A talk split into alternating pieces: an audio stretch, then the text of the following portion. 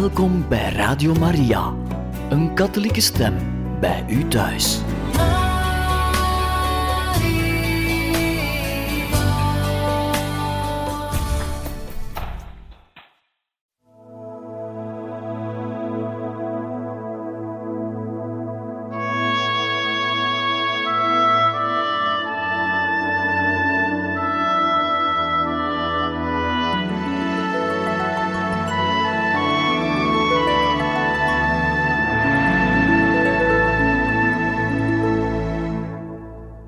Beste luisteraars van Radio Maria, hartelijk welkom in dit programma Heilige Getuigen, waar wij verder gaan met de lezing uit het boek Kardinaal Mincenti, geschreven door Jozef Keuzi Horvat.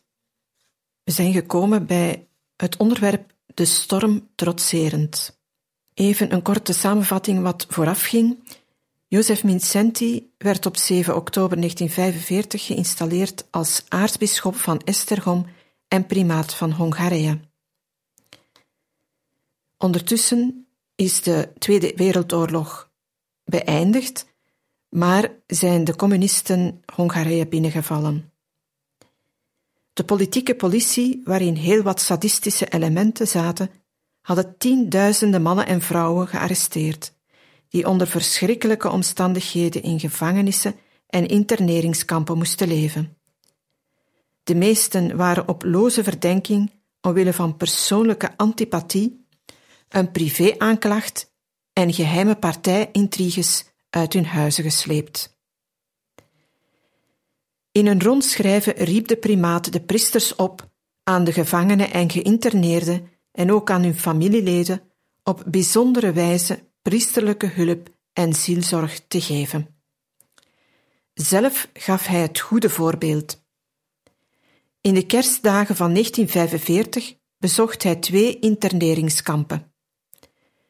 Ik deed dat uit overwegingen van zielzorg, schrijft hij, maar wel in de hoop dat mijn bezoek iets zou bijdragen tot leniging van de nood. Eerst bezocht ik de barakken en daarna veel isoleercellen. In het kamp van Zuid-Boeddha vroeg ik of het enorme aantal gevangenen op het commandoplein verzameld kon worden, zodat ik een paar woorden tot hen kon richten. De mannen, in hun kracht gebroken, hieven het hoofd omhoog. In hun blikken glansde even een licht van vreugde en hoop, niet zozeer vanwege mijn woorden, maar om het feit dat de primaat bij hen was gekomen, om hun te bewijzen dat zij in de ogen van de kerk dezelfde mensen waren en daarom waardevol. Met de grootste moeilijkheden kreeg hij verlof in Budapest een paar gevangenissen te bezoeken.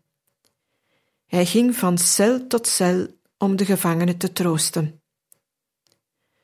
De gedetineerden barsten vaak in tranen uit en vroegen soms ook dan om mijn zegen, als zij tot een andere godsdienstrichting behoorden, herinnert hij zich. Helaas kon hij zijn werk als zielzorger van de gevangenen niet lang voortzetten. De zin waarin hij dit probleem uitdrukt, is ook voor de ontwikkeling van de politieke situatie binnen Hongarije karakteristiek. Terwijl Imre Nagy het ambt van minister van Binnenlandse Zaken bekleedde, lukte het mij nog verlof te krijgen om de gevangenen te bezoeken. Maar in de tijd van Laszlo Rijk werden mij al heel wat hindernissen in de weg gelegd.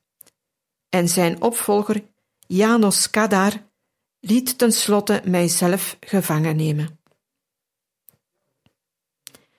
De Sovjet-Russische bezetters en de uit Rusland naar hun vaderland teruggestuurde communistische emigranten trachten niet alleen een eind te maken aan het caritatieve werk van de kerk, maar beschouwden het ook als hun taak de culturele en maatschappelijke activiteiten van die kerk te laten doodbloeden.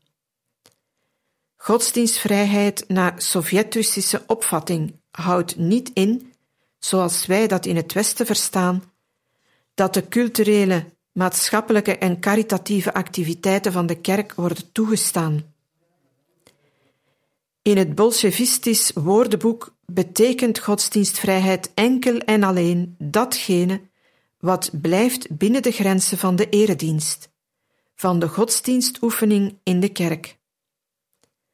Ook in Hongarije was het doel waarnaar gestreefd werd de verwezenlijking van dit soort godsdienstvrijheid naar Sovjet-Russisch model.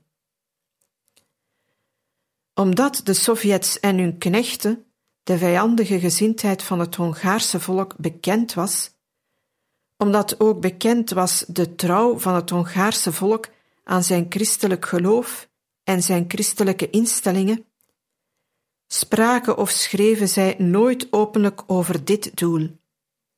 Integendeel, voortdurend legden zij de nadruk op hun eerbied voor de godsdienstvrijheid. Er werden communistische werkploegen naar de dorpen gestuurd om in de weekends te helpen bij de opbouw van de kerken die tijdens de oorlog beschadigd waren. En als dan de dankbrieven kwamen waarom zij de pastoors hadden gevraagd, werden die in de kranten op een opvallende plaats gepubliceerd. Leden van de partij werden aangewezen om de godsdienstoefeningen bij te wonen en om deel te nemen aan het parochieleven. De gelovigen waren niet weinig verrast toen ze merkten dat algemeen bekende vijanden van de kerk plotseling van de ene dag op de andere veranderden in ijverige katholieken. Men liet bij voorkeur foto's afdrukken van Matthias Rakosi en andere communistische leiders in gezelschap van katholieke priesters. Natuurlijk werd er geen woord besteed aan het feit dat de gemaakt glimlachende of handenschuddende priesters, ofwel door de een of andere truc, ofwel min of meer met geweld, aan de zijde van de communistische koplopers waren neergezet. Ondertussen ging de gemaskerde godsdienstvervolging met taaie doelbewustheid consequent verder. De werken van verscheidene honderden katholieke auteurs werden door de censuur op de lijst van verboden boeken geplaatst. Ieder werk, of het nu historisch of sociologisch was, theologisch of apostolisch, als het zich kritisch bezighield met het communisme of met de Sovjet-Unie, werd het door de communistische inquisitie gebrandmerkt en moest ingeleverd worden. Onder dreiging met zware straffen moesten deze zogenaamd fascistische boeken en geschriften veroordeeld om vernietigd te worden, zelfs uit privébibliotheken worden afgegeven. De Russische militaire autoriteiten verboden de activiteit van alle katholieke dagbladen. Slechts twee weekbladen en één maandblad mochten doorgaan, maar ook daarvan werd de omvang en de oplage, naar men zei, wegens gebrek aan papier, beperkt om nog maar te zwijgen over het feit dat de censuur ook de inhoud controleerde en haar invloed deed gelden. Ook de katholieke verenigingen werden gedwongen zichzelf te ontbinden, gedeeltelijk met het motief dat ze zich met politiek bemoeiden gedeeltelijk met de beschuldiging dat ze de veiligheid van de bezettingstroepen in gevaar brachten. Ieder protest van de kardinaal en van het episcopaat bleek vergeefs. Spoedig begon dan ook het communistisch offensief tegen de katholieke scholen. Ook hier was het voorwendsel de zogenaamde organisatie van samenzweringen en niet het feit dat ze katholiek waren. De politie kwam onder de lesuren binnen, bekeek de boeken en schriften van de leerlingen en haalde hun schooltassen overhoop. Daarop werd een dozijn leerlingen meegenomen en onder bedreiging gedwongen rapporten op te stellen waarin catecheten en lesgevende paters werden beschuldigd van vijandigheid jegens de staat. Een andere manier om bewijsstukken van dit allooi te verzamelen was dat de politie s'nachts geweren en patronen verstopte in de schoolgebouwen, om die dan de volgende dag in aanwezigheid van de schooldirectie te ontdekken en ze dan de waarde te geven van bewijsstukken voor het bestaan van samenzweringen onder de leerlingen. De marxistische pers maakte melding van samenzweringen onder studenten als schadelijke gevolgen van het stoken door reactionaire leerkrachten en verlangde energieke maatregelen tegen de kloosterscholen die werden gebrandmerkt als broedplaatsen van de reactie. Ter bescherming van de katholieke scholen, die nu in gevaar gekomen waren, riep de kardinaal de oudervereniging in het leven. De ouders, die omwille van de christelijke opvoeding van hun kinderen tot ieder offer bereid waren, wezen op hun protestvergaderingen ongerechtvaardigde verwijten met nadruk van de hand en verlangde daarna schriftelijk van de regering dat er een eind zou komen aan de grove wijze waarop de scholen en de opvoedingsinstituten in een hoek werden gedreven. Het was te danken aan de vastbesloten en opofferingsgezinde steun van de ouders, een steun die zowel moreel als financieel gegeven werd, dat de communisten, respectievelijk de achter hen staande Sovjet-Russische bezetting, het pas na drie jaar aandurfde en wel op 18 juni 1948 de verordening uit te vaardigen dat alle scholen staatsscholen werden. In opdracht van de primaat hebben op die dag de klokken van alle Hongaarse kerken een uur lang geluid. Tegelijk met de voorbereiding van de confiscatie van de confessionele scholen begon ook de propaganda voor de noodzaak het godsdienstonderricht af te schaffen. De plotselinge ijver in deze kwestie op een tijdschrift waarop veel problemen van het land die heel wat belangrijker zijn om een oplossing vragen, schreef de primaat in een van zijn herderlijke brieven, wekt bij ons het gevoel dat wij in een gecamoufleerde cultuurstrijd terecht zijn gekomen. Wij zijn van mening dat wat betreft het godsdienstonderricht vele als volgt hun doel nastreven. Eerst facultatief godsdienstonderricht, dan helemaal geen godsdienstonderricht en tenslotte onderricht in de materialistische wereldbeschouwing. Wij voelen ons verplicht meteen bij het begin onze stem te verheffen. De bevolking stelde zich als één man achter hem op. Buiten de katholieken lieten ook de hervormden en de Lutheranen weten dat zij de zaak zouden steunen.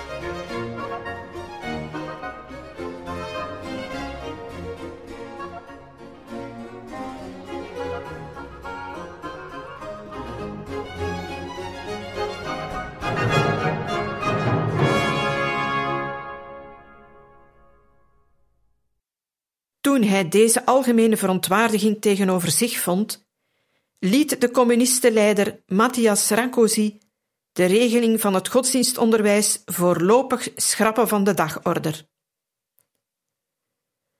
Tot aan de gevangenneming van de kardinaal werd zelfs in de staatsscholen twee keer per week godsdienstonderricht gegeven. Pas een half jaar na zijn veroordeling, op 5 september 1949, verscheen de verordening van het departement volgens welke, overeenkomstig de in artikel 54 van de Grondwet der Hongaarse Volksrepubliek getroffen beschikking aangaande de scheiding van staat en kerk, het godsdienstonderricht in de scholen verplicht is. Kardinaal Mincenti trotseerde ook de storm door twee acties te ondernemen tegen de gedwongen evacuering van de Hongaarse bewoners uit het zuidelijk deel van Tsjechoslowakije en van de in Hongarije wonende Duitsers. Met protesttelegrammen, verzoekschriften, verklaringen in de pers, preken en herderlijke brieven stelde hij zich te weer tegen het onrecht. In het rondschrijven van de Hongaarse bisschoppen, dat op 17 oktober 1945 is verschenen en dat door hem was opgesteld, kan men de volgende stellingname lezen. Omdat wij ons thans zo min als in het jongste verleden beperkingen laten opleggen door rassenkwesties of soortgelijke gezichtspunten, omdat wij de mens, de naaste, de medeburger met de ogen van Jezus zien, moeten wij ons woord ook doen klinken in het belang van de staatsgetrouwe Duitsers. Als er alleen maar schuldigen zouden worden gestraft, zouden wij zwijgen. Maar ook zij die helemaal geen blaam treft, worden als zondebokken bestempeld en verwijderd. Ja, zelfs rekent men hun datgene aan als een schuld, wat hun toekomt op grond van het natuurrecht, bijvoorbeeld de moedertaal. Doen wij dan niet juist datgene wat wij in Tsjechoslowakije niet alleen als stuitend, maar ook als onverdraaglijk hebben ondervonden? In een protestbrief op 8 augustus 1946, gericht aan minister-president Lagos Dinies, schreef de primaat: Als het verdrag van Potsdam, zoals het is afgesloten door de overwinnende machten, ons het recht geeft om wettelijk de Duitsers uit te wijzen, dan moeten we echter van dit twijfelachtige recht geen gebruik maken. De beslissing van de Hongaarse regering alle Duitse ingezetenen die geen ernstige misdaden jegens het vaderland hebben gedaan, te laten waar ze zijn, meer dan twee jaar na de oorlog, zou in dienst staan van de verzoening in plaats van in dienst van de haat die van Satan komt. Het grote offer dat kardinaal Vincenti ook voor ons, Duitsers uit Hongarije, heeft gebracht, zei Wilhelm Kroonvoes, een van de bekende persoonlijkheden onder de Hongaarse Duitsers in de Bondsrepubliek, verplicht ook ons tot dankbaarheid. Wij mogen nooit vergeten wat hij voor ons heeft gedaan. Apostel van het land. Haast meer dan dertig jaar was de kardinaal-martelaar aartsbisschop van Esztergom en primaat van Hongarije. Van deze dertig jaar moest hij er echter meer dan 26 doorbrengen in de gevangenis. In ballingschap binnen het eigen land en in het buitenland. Zodoende kon hij van zijn ambtsperiode alleen de eerste drie jaar en drie maanden actief in de zielenzorg werkzaam zijn. Wat hij ondanks dat alles in deze korte tijd heeft gedaan voor de verdieping van het geloofsleven in zijn diocees en in het hele land, daarvoor is zowel in de kerkgeschiedenis van Hongarije als ook in de geschiedenis van de Wereldkerk nauwelijks een voorbeeld te vinden.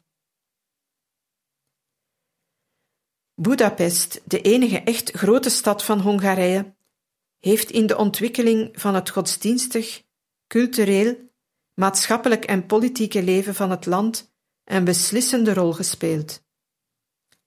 Het zesde deel van de totale bevolking woonde in Budapest en dus ook het merendeel van de gelovigen van het aartsbisdom.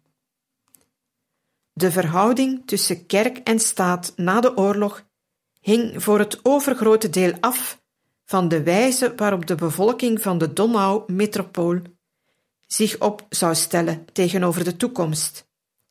Nadat zij uit de achtergebleven ruïnes overeind was gekomen en zich hersteld zou hebben van de enorme materiële verliezen en van de morele beproevingen, opgelegd door het noodlot van de eerste maanden Russische bezetting.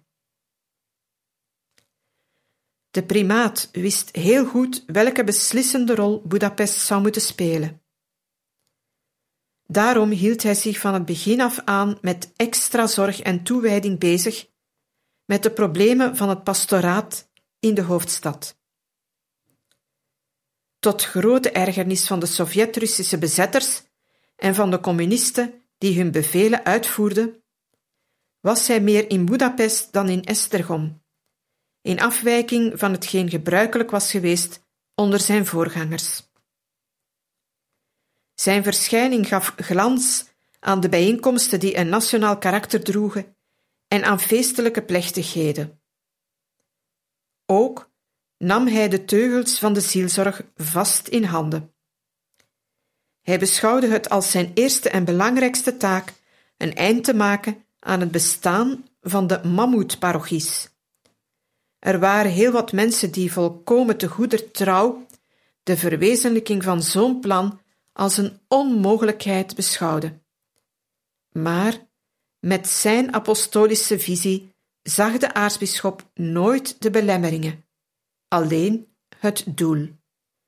Hij liet de jonge priesters die hij voor deze moeilijke taak had uitgezocht bij zich komen, wees hun op het stadsplan de wijken die hij voor ieder van hen had uitgezocht en zei: Van nu af aan zijn jullie de mannen die hier de zielzorg moeten organiseren, en in de toekomst zijn jullie de pastoors.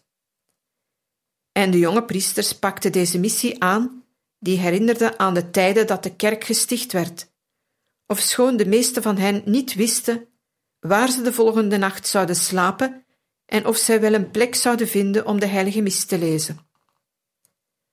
Ook de gelovigen betoonden zich het vertrouwen waardig, ofschoon ze zelf in vervallen huizen woonden en het dagelijks brood een probleem voor hen was, vonden zij altijd een kamer voor hun nieuwe zielzorger, zorgden voor zijn onderhoud en verbouwden een of ander kapot gebombardeerde winkel of een niet meer gebruikte garage tot een bureau voor de pastoor of tot een schamele kapel. In het gebied van de miljoenenstad was er nauwelijks nog een kerk waarin Vincenti niet al in de eerste tijd van zijn ambtsperiode had gepreekt. Er was nauwelijks een katholieke school of instelling die hij niet had bezocht. Nauwelijks een katholieke organisatie waarvan hij de leiders niet door gesprekken kende. Hij ried ook de priesters aan om de onbevangen en hartelijke relatie die er in de schuilkelders tussen hen en het volk gegroeid was, te laten voortbloeien. Bovendien gaf hij de priesters de opdracht de gezinnen regelmatig te bezoeken en het net van het huis-aan-huis apostolaat steviger en groter te maken. Als gevolg van deze door hem persoonlijk geleide volksmissie van de verzoeningsbeweging en andere zielzorgelijke activiteiten vernieuwde en verdiepte het geloofsleven in de hoofdstad zich ziender ogen. Het aantal mannen dat de godsdienstoefeningen bijwoonde, de sacramenten ontving en het geloof openlijk beleed, werd duidelijk groter.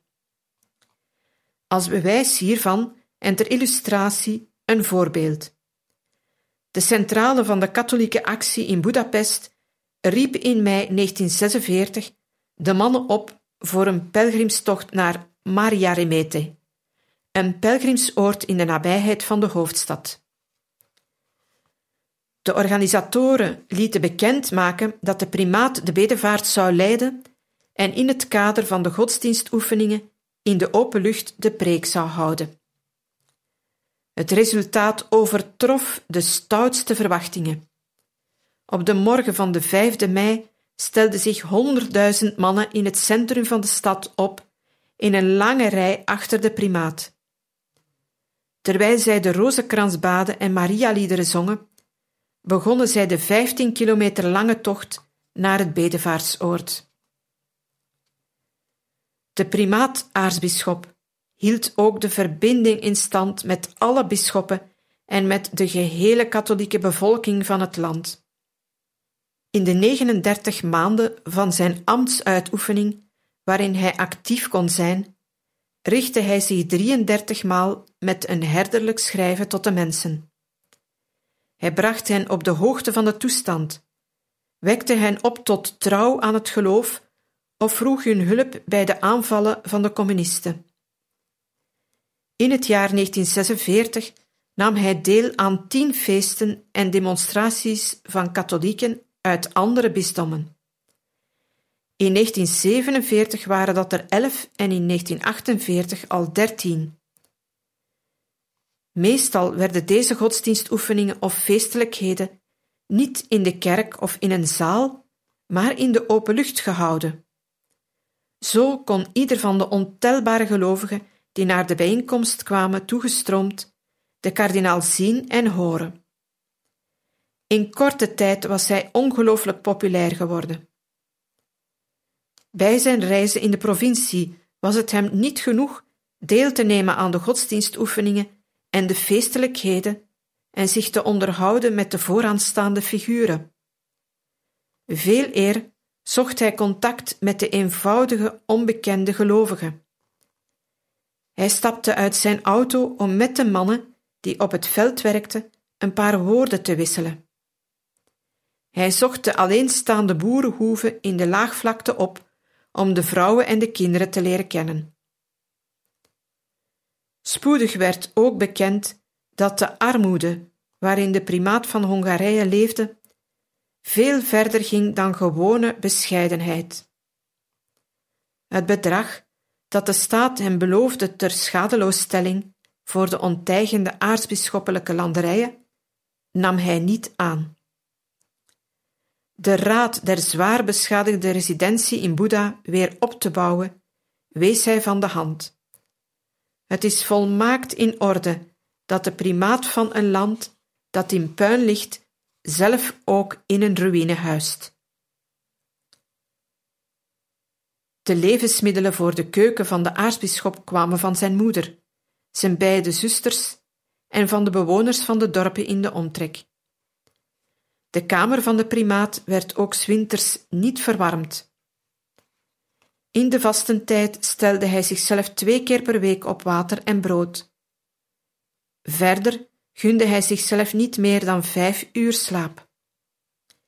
Hij werkte meestal door tot middernacht en stond op zodra de dag aanbrak. In het derde en dus het laatste jaar van zijn kort apostolaatswerk bereikte zijn activiteit in de zielzorg en daarmee zijn populariteit hun hoogtepunt. Dit gebeurde in het Mariajaar. In juni van het jaar 1947 nam kardinaal Vincenti deel aan het Wereldcongres ter ere van de Moeder Gods, dat in Ottawa werd gehouden, de hoofdstad van Canada. Ook kardinaal Frings, de aartsbisschop van Keulen, nam deel aan het congres. Hij was diep onder de indruk van de heldhaftige standvastigheid van zijn Hongaarse collega. Hij bood hem onderdak aan voor het geval dat hij in het buitenland zou willen blijven. De primaat wilde evenwel niets weten van emigratie. De herder moet altijd, maar vooral in tijd van gevaar, leven met de kudde die hem is toevertrouwd. Op de terugweg was hij een paar dagen te gast in het huis van kardinaal Spelman te New York. Deze was tegelijk met hem kardinaal geworden. Op 7 juli 1947, de dag dat zijn gast was afgereisd, vinden wij in het dagboek van kardinaal Spelman het volgende kort bericht. Kardinaal Mincenti afgereisd. Het was mij te moede alsof ik afscheid nam van een martelaar. Met een glimlach vroeg hij mij of ik niet een school naar hem zou willen noemen als ze hem in de kerker zouden gooien. De primaat bracht uit Ottawa een groot en prachtig plan mee naar huis.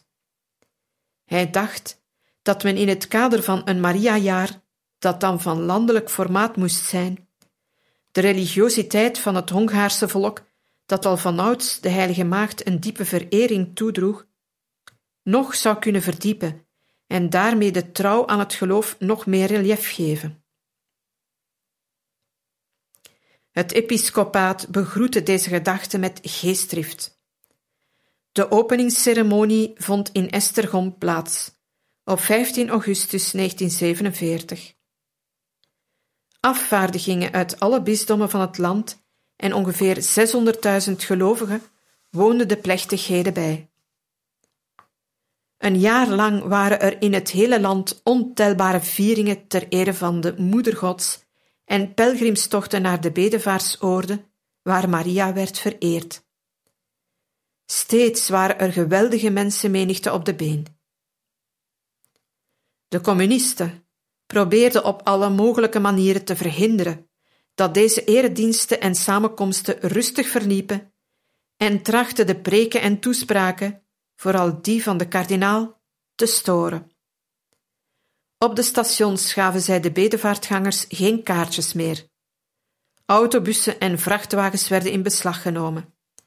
Met als motief een besmettelijke ziekte werden de grenzen van de diverse gebieden gesloten. Zich beroepend op de noodzakelijke verkeersveiligheid dreven zij de schare pelgrims uiteen. Om de erediensten die in de open lucht werden gehouden te storen, lieten zij tractoren in bedrijf zetten. Het gebruik van luidsprekers en microfoons werd verboden.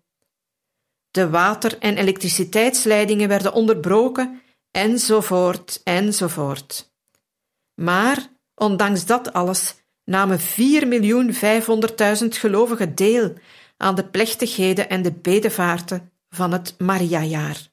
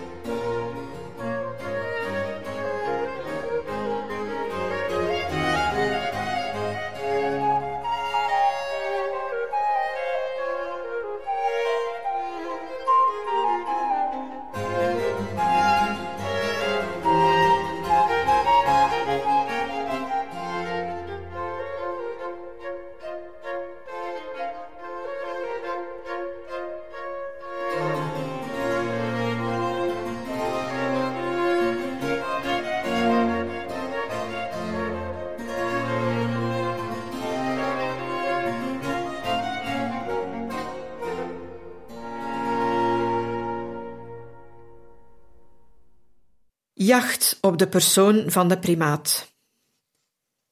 De Sovjetbezetters en de leiders van de vroegere communistische emigranten hadden het parool godsdienstvrijheid in hun vaandel geschreven. De bolsjevistische propaganda verklaarde dat de communistische partij de christelijke overtuiging van het merendeel der bevolking respecteerde en er slechts naar streefde de kerk te zuiveren van feodalisme en van de resten van het fascisme. Onder dit parool werd dan ook door de communisten verlangd dat de door hen als reactionair gebrandmerkte leidende figuren onder de geestelijke en onder de leken hun plaatsen zouden afstaan aan medewerkers met een democratisch verleden en die bereid waren samen te werken met het nieuwe regime. De primaat, die van zijn vroegste jeugd af aan uitgesproken anticommunistisch was, was hun de grootste doorn in het oog en voor Sovjetbezetters en ex-migranten het grootste obstakel op de weg naar verandering van de Hongaarse kerk in een godsdienstige gemeenschap naar Sovjet-Russisch model. Dat hij geliquideerd moest worden stond eigenlijk al vast op de dag dat hij werd benoemd. Op grond van het hoge aanzien dat zijn ambtgenoot en van de populariteit van zijn persoon waagde zij het echter in de eerste jaren niet hem met ruw geweld aan te vallen. Hij werd wel aangevallen, maar dan in pers en radio. Hij werd op communistische vergaderingen belasterd. Hij werd gedwarsboomd in zijn werk als zielzorger, maar hij werd niet gevangen genomen, noch geïnterneerd, en er werd geen aanslag op hem gedaan. Maar aan de andere kant was van het begin af aan een aparte groep van de antispionageafdeling en van de communistische politie in de weer met de organisatie en de leiding van de strijd tegen de persoon van Vincenti en tegen de reactionaire kringen die zich rondom zijn persoon hadden verzameld. Om te beginnen werd een net van spionage om hem heen getrokken. De telefoongesprekken van de kardinaal werden afgeluisterd. Zijn brieven werden geopend. Enkele leden van het personeel van de aartsbisschoppelijke kanselarij werden ertoe gedwongen zich geregeld bij de politie te melden. De bezoekers van de primaat werden gefotografeerd en op een lijst ingeschreven. Als Vincenti op reis was in de provincie, werd hij voortdurend geschaduwd door leden van de politieke politie. De communisten en de antispionageafdeling van de commandantuur waren speciaal geïnteresseerd in de programmapunten en de berichten die de landelijke centrale van de katholieke actie, deze Actio Catholica was belast met de leiding van het werk voor de katholieke zielzorg, opstelde voor de primaat.